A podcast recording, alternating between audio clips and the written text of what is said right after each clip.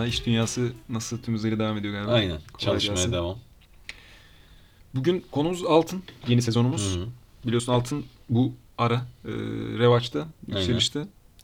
E, bununla ilgili işte konuşulan e, iddialar var. Bazıları Hı hı. biraz artık eskiden komplo teorisi gibi görülen şeylerin artık böyle gerçeğe dönüşmesi gibi bir durum söz konusu. İşte bazıları sürdürülemeyen bir balonun sürdürülmeye çalışması neticesinde artık altın e, belki de rezerv olarak tekrar e, finansal dünyada yerini alacak diyorlar. Hani geleceğini, geçmişinden de bahsederiz. Hani geleceği ne olacak o da önemli tabii. Ya benim de Aynen. Geçmişten başlayıp Aynen. geleceğe yönelik e, trendimizi analiz Aynen. edelim. Şimdi üç ana senaryodan bahsediliyor abi. Yani, yani üç değil ama işte bu Hı hı. itibari paraların, fiyat money'nin Hı hı. ve finansal piyasanın yani bir noktada artık çökmesi gibi nitelendirebileceğin ve altının da bu geçişte Hı aranan bir varlık haline gelmesi söz konusu. Hı hı. Bildiğin gibi işte e, bu quantitative easing öncesi Hı hı. son 200 yılda basılan para Hı hı. bu son 10 yılda onun 4 Evet. katı para basıldığı söyleniyor. Hala da basılmaya devam ediliyor. Evet. Bu sistem artık devam etmezse doların yerine işte Hı hı. biliyorsun bu 1944'ten sonra Bretton Woods'la beraber artık altın yerini dolar alıyor. Hı hı. Doların yerini ne alacak sorusu ön plana çıkıyor.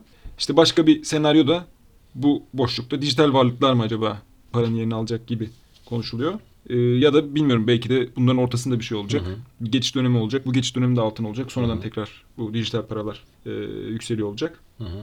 Birkaç senaryoda benim kafamda var ama o yani çok o kıyamet senaryolarını beklemeyi çok mantıklı bulmuyorum. Hani onu genelde beklerken çok fırsatlar kaçıyor, zaman geçiyor. Çok faydalı olmuyor yatırım açısından gibi düşünüyorum. Hı hı. Öte yandan tabii dediğin gibi aşırı bir para basma var. Altına sınırlı bir maden olduğu için Hı hı. Yani bu paralar basıldıkça değeri artması gerekiyor normalde düz mantıkla baktığımızda. Hani bu bir senaryo olabilir, basit bir senaryo. Ee, ama tabii altın bu şu an bu hani 7 milyarlık böyle sürekli büyüyen, gelişen, şehirleşen dünyanın o rezerv olma ihtiyacını bu kadar kısıtlı bir arzla sağlayabilir mi? Hı hı. O aklımda bir hani soru olarak duruyor.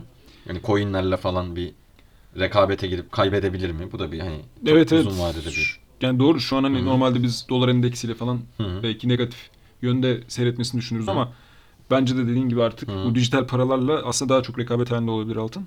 Yani çünkü hani arzı sınırlı ve dünyanın sürekli bir madde İhtiyacı ihtiyacı var. Bu ihtiyaç da büyüyor hani herkes orta sınıflar büyüyor. Hani Afrika bile şehirleşiyor. Hani altın bu kısıtlılığıyla onu karşılar mı?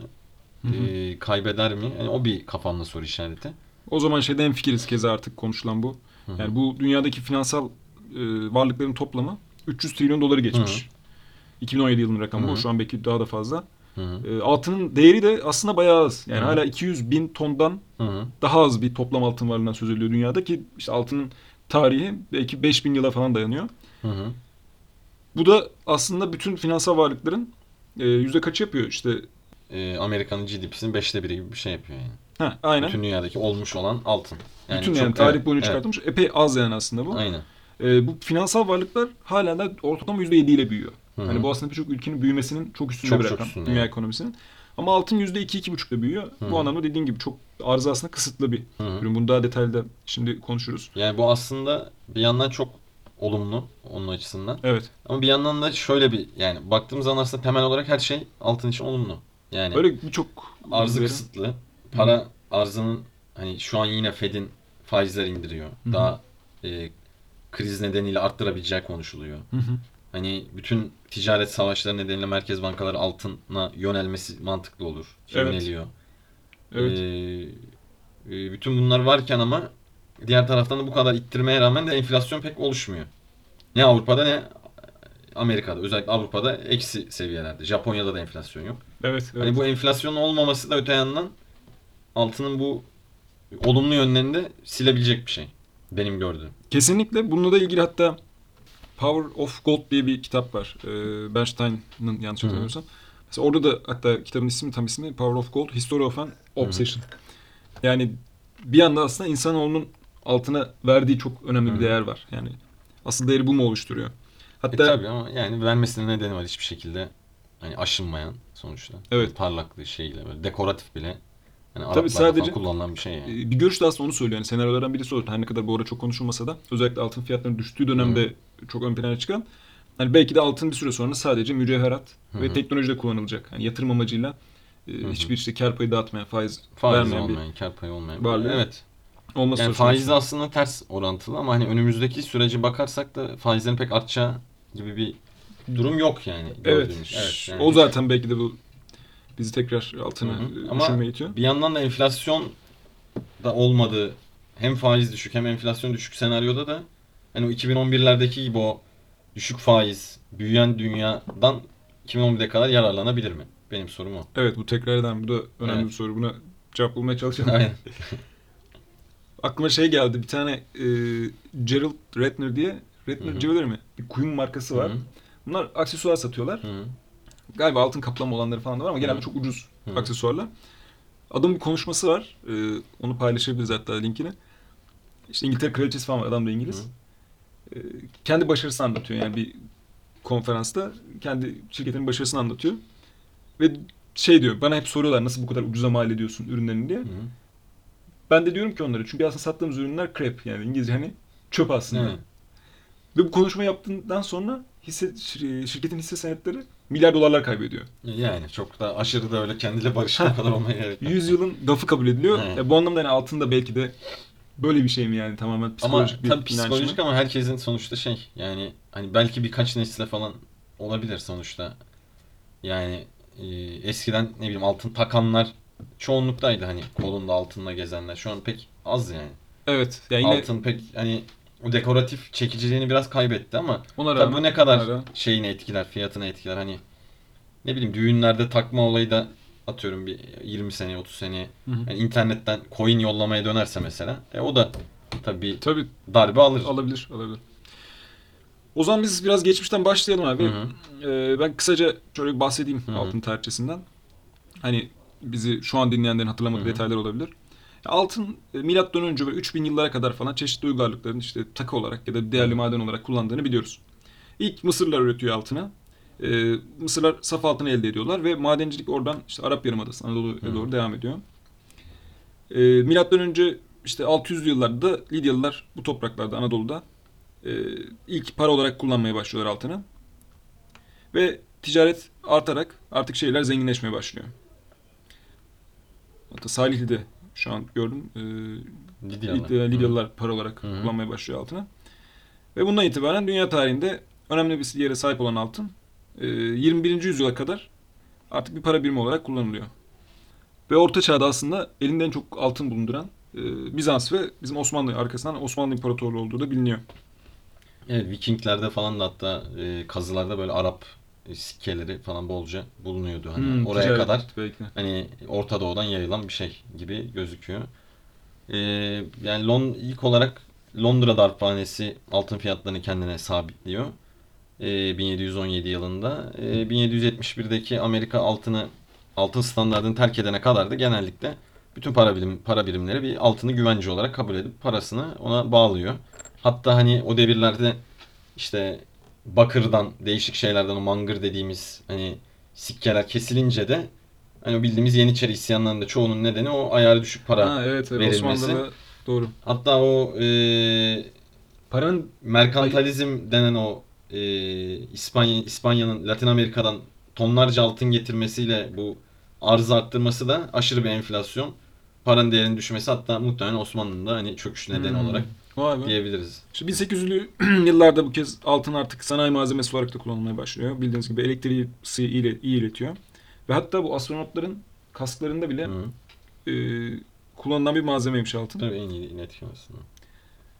E, geçen bölümde daha doğrusu gayrimenkul bölümlerimizde de bahsetmiştik. E, daha sonra 1850'lerin ortası 50'lerde ilk büyük e, altın göçü gerçekleşiyor Kaliforniya'da Gold. Rush diye bilinen. Biz hani e, o zaman o dönemde kazma kürek satanlar altın üretmeye Evet. çalışanlara daha çok kazanmıştı Evet, falan evet. diye bahsetmiştik.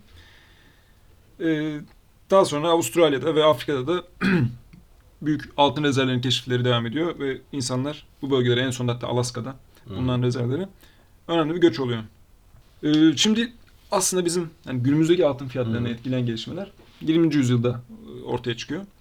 Ee, 20. yüzyıldaki gelişmeleri konuşmadan önce istersen kısaca bir fiyat gelişiminden hızlıca Hı. bahsedelim. Hı hı. Yani Tabii. şu an aklında olmayan dinleyiciler için de gözlerin önüne gelsin hani altın Hı. fiyatı ne olmuştu diye. Aslında altın fiyatları 1933'e kadar hep sabit tutuluyor e, Amerika'da. O zamana kadar 20 dolar e, sabitlenmiş durumda. Daha sonra büyük Great Depression, Evet. Büyük buhran. büyük buhranda itibaren 35 dolara çıkartıyor Roosevelt bunu. Aynen muhtemelen 29'dan sonra 33'te de ikinci büyük dalga geliyor. muhtemelen Bayağı geliyor. uzun sürüyor. Ya benim sorum hani bu resesyonda altın çıkar gibi bir şu an şeyimiz var ya hani işler kötü gidince altın Hmm. çıkar. Hani Altın güvenli artar. limandır. Hep fix herkes hani biraz Öyle Bloomberg. HT'ye falan bakan herkes hani Altın altın, güvenli liman. güvenli limandır diye kafasına kodlamıştır. Hani bu altın kriz zamanında bir şey alternatif olarak şey var. Hani Evet. para birim dünya sonu gelirse kıyamet senaryosu gibi para birimi. Ama çıkma nedeni bu hani para biriminin sonunun gelmesi değil de bu resesyondan çıkmak için mesela işte 29'da Roosevelt New Deal diye Evet. hani hepim yani meraklısının bildiği o bir yeri kazdırıp sonra tekrar kürekle doldurma gibi insanlara iş yaratıyor hani ondan Evet, çıkmak için. evet. Devlet müdahale ediyor ve aşırı bir para arzı sağlıyor. Hani bu sağlanan arzdan dolayı mı altın çıkıyor?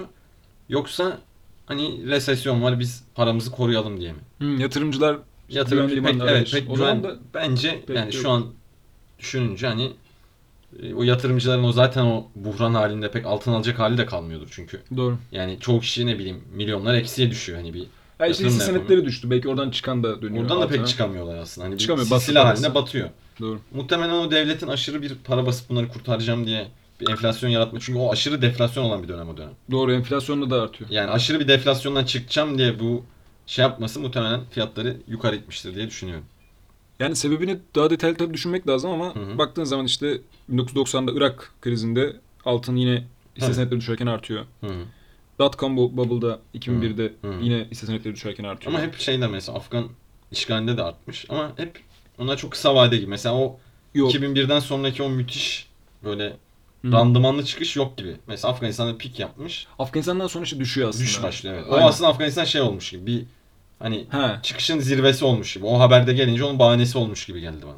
belki de. Benim Aynen. yani şeyim o öyle bir izlenim aldım. Hani e, o muhtemelen şeyin de etkisi vardır. O e, faizlerin hani oradaki yüksekten düşmeye başlamış. 80'lerde faizler de çok yüksek. Tabii.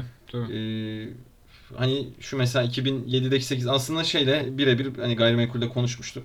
Normal gayrimenkul emtia fiyatlarıyla da korele gibi hani ne kadar para arttıkça Hı hı. Arzı sınırsız olduğu için sabit olan bir kıymet olduğu için artıyor gibi geldi bana. Ama işte yani şimdi ileride ne olur? Yani bu para arzı da durmayacağına göre pek de düşecek gibi durmuyor yani ben Evet zaten şey yapsam düşmemesi için yani. nedenler var. Yani Evet. onları arz talep kısmında da yine Hı. konuşuruz. Ama dediğin gibi geçmişten şimdi baktığımızda e, demin bahsettik. İşte Bretton Woods'la beraber altın sabitleniyor. E, 1971'de artık bunun devam ettirilemeyeceği Hı hı. görüldüğünde bunu daha detaylı konuşuruz. Altın fiyat artık dolarla ilişkisi Nixon tarafından kaldırıldı, ortaya çıkıyor. 73'te fiyat olarak tamam bağımsız olduğu kabul ediliyor. Hı hı. Ve fiyat ciddi anlamda artışa başlıyor. Hı hı. 1971'de.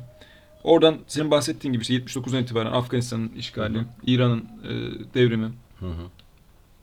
Yani bir yandan da İran devrimi 79 79. değil mi? Aynı döneme göre. Ha. Şimdi yani düşününce bir yandan da bakınca aşırı yani aşırı belirsiz bir yatırım aracı gibi değil mi? Mesela şu an 79'da aldın. Hı hı. Yani 2011'de Ha bak aslında onu da ayrıca bizim konuşmamız 2011'de lazım. falan kâra geçtin ya. Ölme, ölmediysen.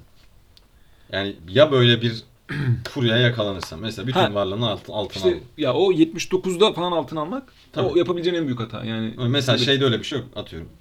Dov'da bir sepet yapsaydın. 5 yılda 5 yılda 10 yılda o toparlıyor. en kötü 10 yılda çıkardın yani. Ya bu 80 hakikaten uçuk. O zamanın 800-900 dolarlarına çıkıyor. 800 dolara çıkıyor galiba. O da bugünün 2000 küsur Tabii o doları. zaman 800 dolar şimdinin çok ciddi 2500 falan eder herhalde. Valla öyle bir şey. Ben Bayağı bakmıştım ama. sağlamdır yani. Yani şimdi bile çıkartamıyorsun o parayı Evet, yani şu an evet. tutsan bile. Hani o şey de derlerdi Ha, mesela. tabii 70'lerde 800 şey dolar yok şu an ya. 1600 hala çıkartmıyor. 2000 Evet. küsur dolar olması lazım. 70'lerde mesela hani e, Türkiye'de de kontrollü şey var ya. e, Evet. Faiz Aha. atıyorum %10'u geçemiyor. Hı hı. Devlet şey yapıyor. İşte tasarruf sahipleri de ne yapıyor? Ya ev alıyor. O da hani peşinattı meşinattı her zaman olmuyor. Hı hı. Ya da altın alıyor. Altın da çok aşırı oynak olduğu için hani Türkiye'de o sermayenin gelişmemesine yatırım bilincinin de bir neden o derler. Tabii tabii. Yani o da çok şey. Hani düşünsene mesela oil crisis zamanı 70'teki Arapların petrol ambargosu zamanı aldığım bir şey yine hani 5 yılda çıkarmış ama 80'lerde aldığım bir şey Zararına 80 sattın evet. ya da düğünde Çok birine uç bir takacaksın. örnek ya. Düğünde takmak en mantıklısı. Yani, o bana çeyrek takmıştı. aynen Şey. yani. Hani şimdi de öyle bir bitcoinler işte başka alternatif yatırım araçları. Ya muhtemelen biz aşırı bir yine altın şey görürdük şu an gibi geliyor bana. Talebi. E yine bir Acayip bir balon işte görürdük yani ne bileyim Tabii bir tabii. 5000 dolar görürdük mesela. Görüyoruz. Bana öyle geliyor. Yani İşte- alternatif olması çünkü şu anda aşırı bir alternatifsizlik var. Hı hı. Hani risk desen ticaret savaşları var. Hani savaşta bulursun. Bin, Tabii. bin türlü şey var. Ne bileyim Rusya'nın krizleri, Orta Doğu hani bahane de bulunur. Ya muhtemelen şu an şu seviyede kalma nedeni de o alternatif artması gibi geliyor bana. Çünkü Bitcoin dediğin de hani altının neredeyse şu an herhalde 5'te bir hacminde bir şeye ulaştı 5-6 senede. İşte 400 hacim var. milyar dolar desek. Değil mi? 10, Aynen öyle. e, onda bir hacme ulaşmış gibi bir şey herhalde. Altcoin'lerle. hatırlamıyorum ama Bitcoin'i 300 diye biliyorum. Bir- 300 milyar dolar. Öyle bir şeydir şu anki fiyatta. E bir 200'de şeylerde olsa altcoin'lerde. Yani demek ki altın onda birini geçmiş gibi bir hacmi var. Yani yeni bir şey olmasına rağmen. Ama altının tüm hacmi o yani. Bütün basındaki- şey o. Market cap. Ha market cap Aynen. diyorsun tamam Hı. anladım. Evet o ciddi bir alternatif Yani oluşturuyor. o tabii. alternatifler olmasaydı belki çok daha aşırı yerlere gidebilirdi. Hı. İşte ve askerim abi özellikle 2001'den sonra da yani 79'dan işte demin konuştuğum 80'den Hı. 2000'lere kadar ciddi bir düşüş var. Hı hı. Bunun üzerine birçok etken var.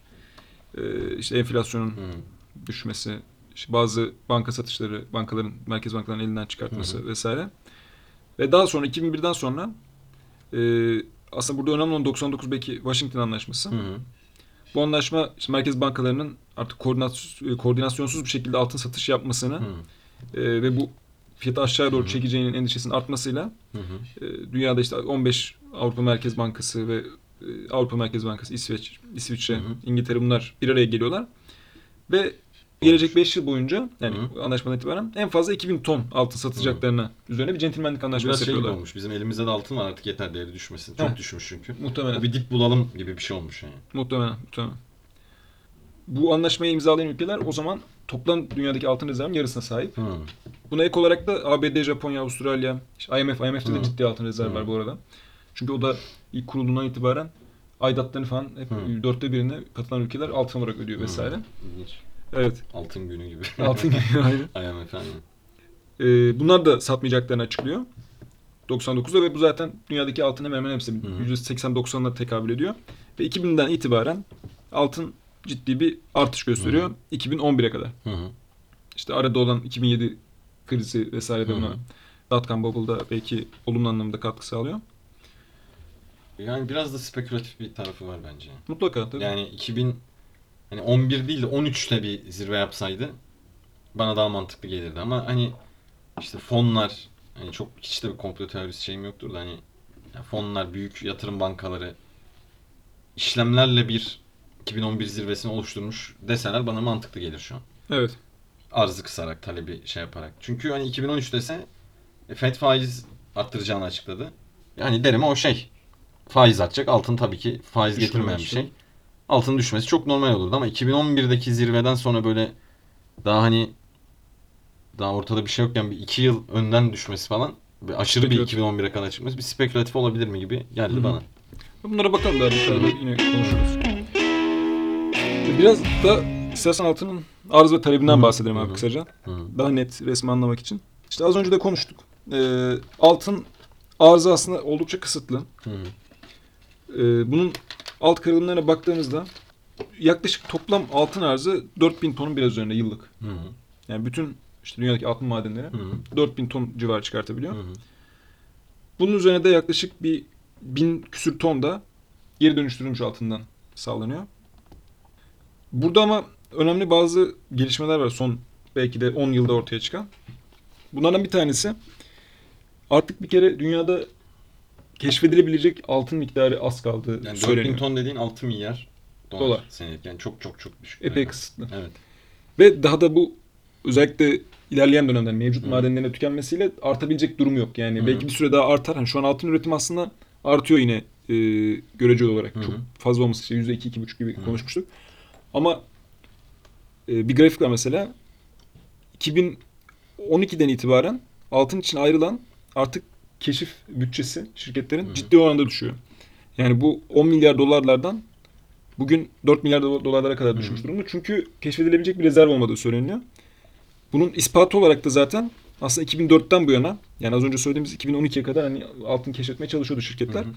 Ama 2004'ten 2006'dan itibaren keşfedilen altın ons olarak baktığında 120 milyon onslardan neredeyse 20 milyon onslara kadar düşüyor. Yani altıda biri kadar. Hı hı. Hani bu da e, artık hakikaten keşfedilebilecek altın kalmadığının bir işareti dünyada. Hı hı. E, tabii belki altın var ama aslında çıkartılacak altının maliyeti çok önemli. Birim maliyeti. Hı hı.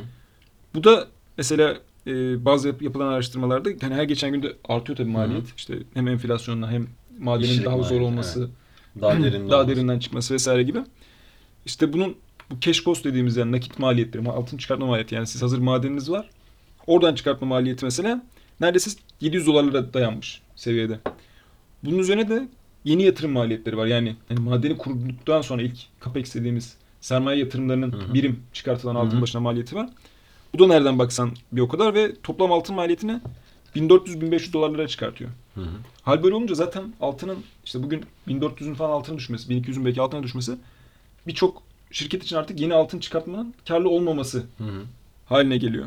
Ee, demin hani bahsettik altın üretimi %2 ile artıyor diye. Mesela 2019'da 2500 tonken şu an 3500 tonlara kadar yaklaşmış e, Hı hı.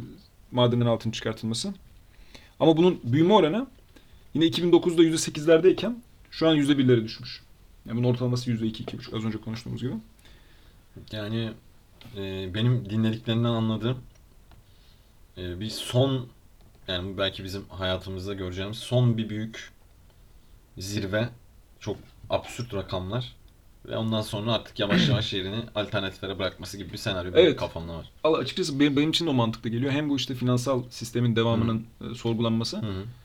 hem Spekülatif bir altının ha, kesinlikle. Ya spekülatif bir zirve. Zaten genelde zirveler hep spekülatif olan bir şey zaten, anladığım ya, kadarıyla. zaten hani ihtiyaç sonucu değil. Evet. Ancak işte rezerv olabilme Evet. ihtimali üzerinden galiba Hı ortaya hı. çıkıyor. En azından bu eski e, hani biraz şimdi yine geleceği konuşmaya başladık. Eski zirvelerini görür gibi düşünüyorum ben de 2000 dolarları. Hı. Bir noktada görebilir diye Ya belki daha da şey de olabilir. Tabii yani şimdi daha atıyorum, uçuk da olabilir. Onun atıyorum üzerine de çıkar. herhangi biri 250-270 TL'den Türkiye'yi konuşalım. Hı hı. Hani altın alır sallıyorum 400 olur 500 olur zaten herkes hani elindekini satar öyle bir uç bir senaryoda.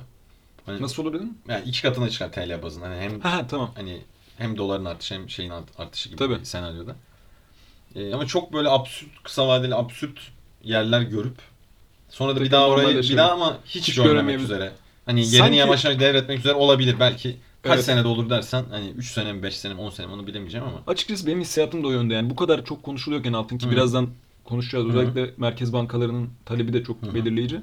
Yani bir böyle o Çok geçiş absürt döneminde yani. absürt bir yerlere ulaşabilirsen. Bana da öyle geliyor ama yani orada tabii hani trenin son vagonu olmadan hani Evet. realize edip bir daha Evet. da pek bulaşılmayacak bir Kesinlikle. şey gibi bana geldi. Ama şu an için ben hani çok ilgilendiğim bir emtia olmamasına rağmen hani bu şey için araştırdıkça İlgini baktıkça çekti. şu an için Hayat. kesin evet. Bir Hani- çeyrek. aynen aynen. Alınabilir. Yaşlılara özellikle birikimlerini yönlendirilebilecek. Abi kesinlikle yani bunu daha sonra da yine daha detaylı Hı konuşuruz. Ya benim de çıkarımım en azından bir miktar e, altının fiziki olarak artık güvenli gördüğünüz banka kasası ya da evde hı. bulundurulması.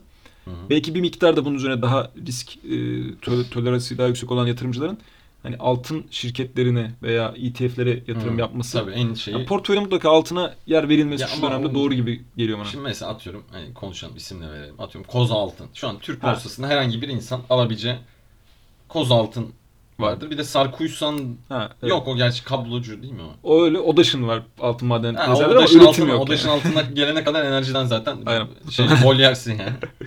hani Amerika gibi şeylerde belki şey olur da hani Ha, tabii tabii ben e, direkt uluslararası da- piyasaları kastettim. Hani Koza'da malum. Hani Koza'da bir herhangi mal bir Gibi davası vardır, bir şey var. Vardır değil var zaten. vardır Hani- muhtemelen var. Aynen yani davalarıyla falan sıkıntı yaşanabilir. Ben tabii daha uluslararası Şey söylüyorum. de Yani olabilir ETF'ler de aynı şekilde. Ee, altın alır tahviller de olur. Hani yüzde birdir, ikidir de. O da olur. Hani en azından bir şey, hani sisteme katmak isteyenler Kesinlikle. ne bileyim bankada sıfırda tutana kadar yüzde bir iki bir kar payı oluyor onlar zaten. O şeyler Evet. veriyor daha çok. Katılım bankaları falan veriyor. Hani onlar ya da devlet birikiyle Devlet de altın yapıyor. alıyor. Hani öyle değerlendirilebilir. Yani portföyde bu dönemde yer Bence vermeye de, gerek var. Hani bir- alım noktası nedir? O teknik analizde falan Bir dörtte biri falan bence de altın Potansiyel bence tutulmalı. Evet. Bir de bu şey gibi. E, seni daha önce de konuştuk. Matematikçi Pascal'ın e, işte kumarla ilgili analizleri var. Hani diyor ki bu diyor Tanrı'ya inanmak gibi diyor. Evet inanmayarak belki diyor önümüzdeki 60-70 Hı hı. yılda ufak tefek bir şeyler kurtarırsın ama diyor hani varsa sıkıntı çok büyük Ayva diyor. yedin. Aynen. hani bu da öyle eğer Evet. sistem çökerse altının Evet, yoksa sıkıntı doğru. büyük.